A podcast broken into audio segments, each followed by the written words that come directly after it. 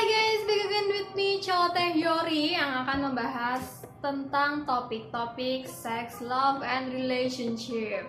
Hai, apa kabar? Semoga kalian dalam kondisi sehat walafiat ya. Nah, pada episode kali ini aku akan membahas soal hal yang kemarin trending yaitu salahkah menjadi swinger?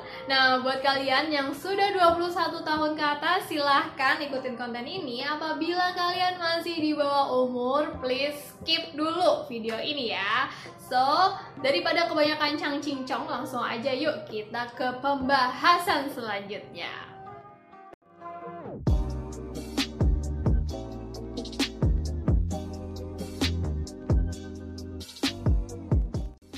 Beberapa waktu terakhir ini ada uh, suatu trending di Twitter yang membahas soal uh, swinger. Nah, katanya sih pelakunya itu oknum dosen, tapi ternyata setelah diselidiki ternyata bukan dosen. Tapi kita tidak akan membahas soal itu. Nah, dalam dunia sex and relationship itu uh, swinger adalah sesuatu yang mungkin sering kalian dengar. Nah, sebenarnya salah nggak sih ketika menjadi swinger? Karena dalam beberapa komen yang aku baca di Twitter itu banyak yang memberikan komentar bahwa yang namanya swinger itu tuh sesuatu yang gak bermoral, sesuatu yang hal-hal yang bener-bener yang negatif semuanya. Ya walaupun sebenarnya ada sih uh, keterkaitan ke hal-hal seperti itu, tapi kita akan membahas hal terkait swinger yang berkaitan dengan sex life and relationship. Sebelum aku membahas soal swinger, nah teman-teman tahu gak sih bahwa swinger itu tuh juga ada sejarahnya. Nah, dulu di kitab-kitab atau eh, zaman-zaman prasejarah itu memang sudah ada ritual-ritual seks yang berkaitan dengan swinger. Nah, tapi karena tidak terdokumentasi dengan baik, jadi hal-hal kayak gitu tuh jadi susah untuk dicari tahu. Nah, tapi ada kemunculan lagi nih tentang swinger di tahun 1940-an yaitu yang dilakukan oleh sekelompok pilot uh, pesawat tempur di US sana. Jadi di zaman-zaman perang itu mereka para pilot-pilot pesawat tempur itu tuh menyadari bahwa mereka mungkin punya resiko kematian yang tinggi sehingga mereka berpikir untuk anak istrinya tuh gimana ya nanti kalau udah meninggal dan sebagainya. Nah, jadi dengan pemikiran seperti itu mereka berkumpul sesama pilot pesawat tempur itu untuk membuat suatu perkumpulan. Yuk, gimana yuk kita mikirin yuk nanti kalau misalnya anak istri kita kalau kita nggak ada gimana. Nah, salah satunya adalah praktek berbagi istri. Nah, di situ sebenarnya bukan hanya soal seksualnya aja, tapi mereka berpikiran soal nanti uh, soal kebutuhan emosional dan kebutuhan ekonomi jika mereka tiada nantinya. Jadi dengan adanya praktek bertukar istri, mereka jadi kayak bikin kelompok tersendiri nih yang nanti saling support pada masa yang akan datang. Nah, apa yang dilakukan oleh uh, pilot pesawat tempur ini ternyata berkembang ke angkatan militer yang lain, bahkan ke masyarakat sipil. Nah, berbeda di zaman perangan sebelumnya itu dan tentunya berbeda dengan zaman sekarang. Nah, praktek-praktek swinger ini mulai digunakan untuk lifestyle atau untuk eksplorasi eksplorasi secara seksual antar pasangan. Nah, tentu aja karena banyak orang yang berpikiran bahwa aktivitas seksual yang begitu-begitu aja tuh bikin bosan, makanya yuk e, melakukan yuk mengajak untuk uh, pasangan untuk melakukan aktivitas seksual dengan sensasi yang berbeda. Nah, salah satunya adalah swinger. Sebelum kalian bingung kok ada ya yang seorang istri yang rela suaminya di apa berhubungan intim dengan orang lain dan begitu sebaliknya, kalian juga perlu paham bahwa dalam relationship itu ada yang dinamakan dengan consensual non monogamous relationship. Nah, jadi ini bukan hubungan eksklusif seperti pada yang udah suami istri, jadi hubungannya ya suami istri aja. Nah, kalau yang itu adalah hubungan eksklusif atau monogami. Jadi ini perlu disadari dulu bahwa ada loh pasangan-pasangan suami istri di luar sana yang punya uh, prinsip bahwa hubungan atau relasi yang mereka jalani ini adalah non monogamus. Jadi mereka tidak eksklusif terikat pada pasangan aja. Jadi ketika melakukan swinger itu mereka sudah sama-sama konsen atau ada persetujuan jadi ya udah terkait resiko dan lain sebagainya pasti mereka menyadari sehingga kenapa praktek itu bisa ada dan mungkin sekarang terus berkembang.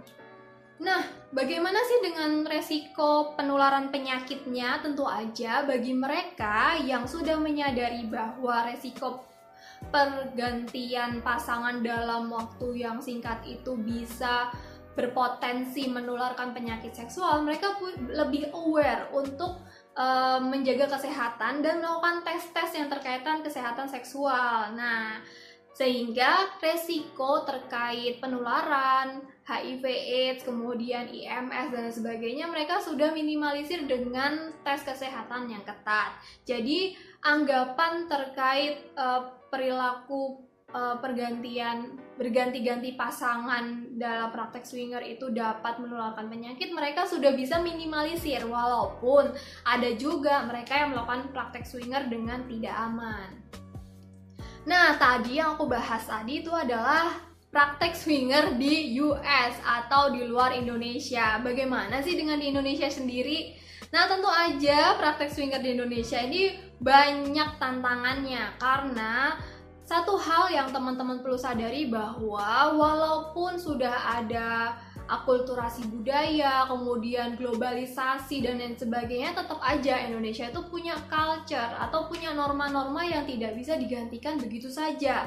Jadi tetap tidak semua orang bisa menerima adanya praktek swinger. Nah, walaupun nih suami istri udah sama-sama komitmen untuk non monogamus, tapi tetap aja mereka akan kesulitan untuk mencari pasangan yang bisa diajak uh, bertukar uh, ibaratnya swinger itu. Jadi memang tidak semudah di luar negeri sana pada prakteknya. Dan selain itu juga tidak banyak juga mereka yang punya kesadaran untuk memeriksakan kesehatan seksual karena kembali lagi akses-akses kesehatan reproduksi di Indonesia itu masih uh, sedikit walaupun walaupun bukan berarti nggak ada ya masih sedikit dan tentu aja belum semuanya ramah untuk hal-hal terkait uh, aktivitas aktivitas seksual yang beresiko. Makanya uh, apa yang dilakukan oleh si oknum dosen yang ingin meneliti swinger itu memang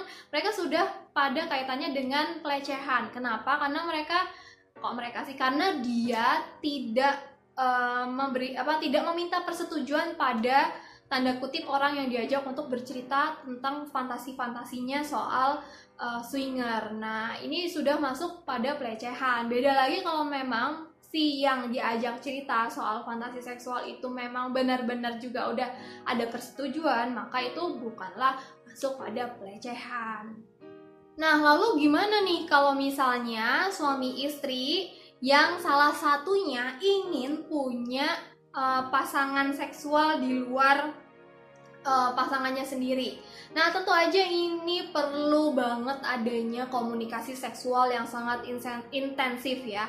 Karena apa? Tidak bisa semata-mata ketika suami ingin uh, punya uh, ingin merealisasikan fantasinya untuk berhubungan seks dengan orang lain dilihat atau bersamaan juga istri berhubungan dengan laki-laki uh, lain itu bisa langsung terrealisasi. Kenapa? Karena yaitu tidak semua orang walaupun dalam suami istri, walaupun dalam relasi suami istri memiliki perspektif yang sama atau value yang sama terkait aktivitas swinger itu. Jadi perlu berhati-hati bagi kalian misalnya yang memang sudah punya pasangan dan punya keinginan uh, untuk uh, swinger perlu deh sadari dulu ini resikonya gimana. Resiko itu bukan hanya penyakit aja ya tapi uh, keutuhan rumah tangga kalian gimana uh, terus juga nanti akan ada perubahan sikap atau enggak dan juga perubahan value dalam keluarga atau enggak. Jadi tidak semua fantasi seksual itu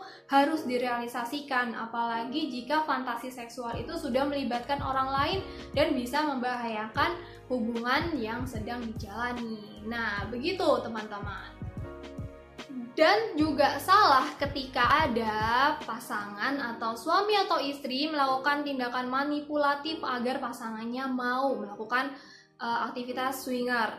Karena apa? Ketika ada tindakan manipulatif, maka sudah pasti tidak ada kesadaran untuk menjalankan aktivitas tersebut dan itu secara tidak langsung ada paksaan karena tindakan-tindakan manipulatif itu bisa banyak contohnya misalnya nih uh, yuk melakukan swinger ini agar kita bisa lebih romantis lagi ke depannya untuk memperbaiki hubungan yang sudah retak sebelumnya sebagai tanda cinta atau sebagai tanda kesetiaan. Nah, itu tuh bullshit banget ya.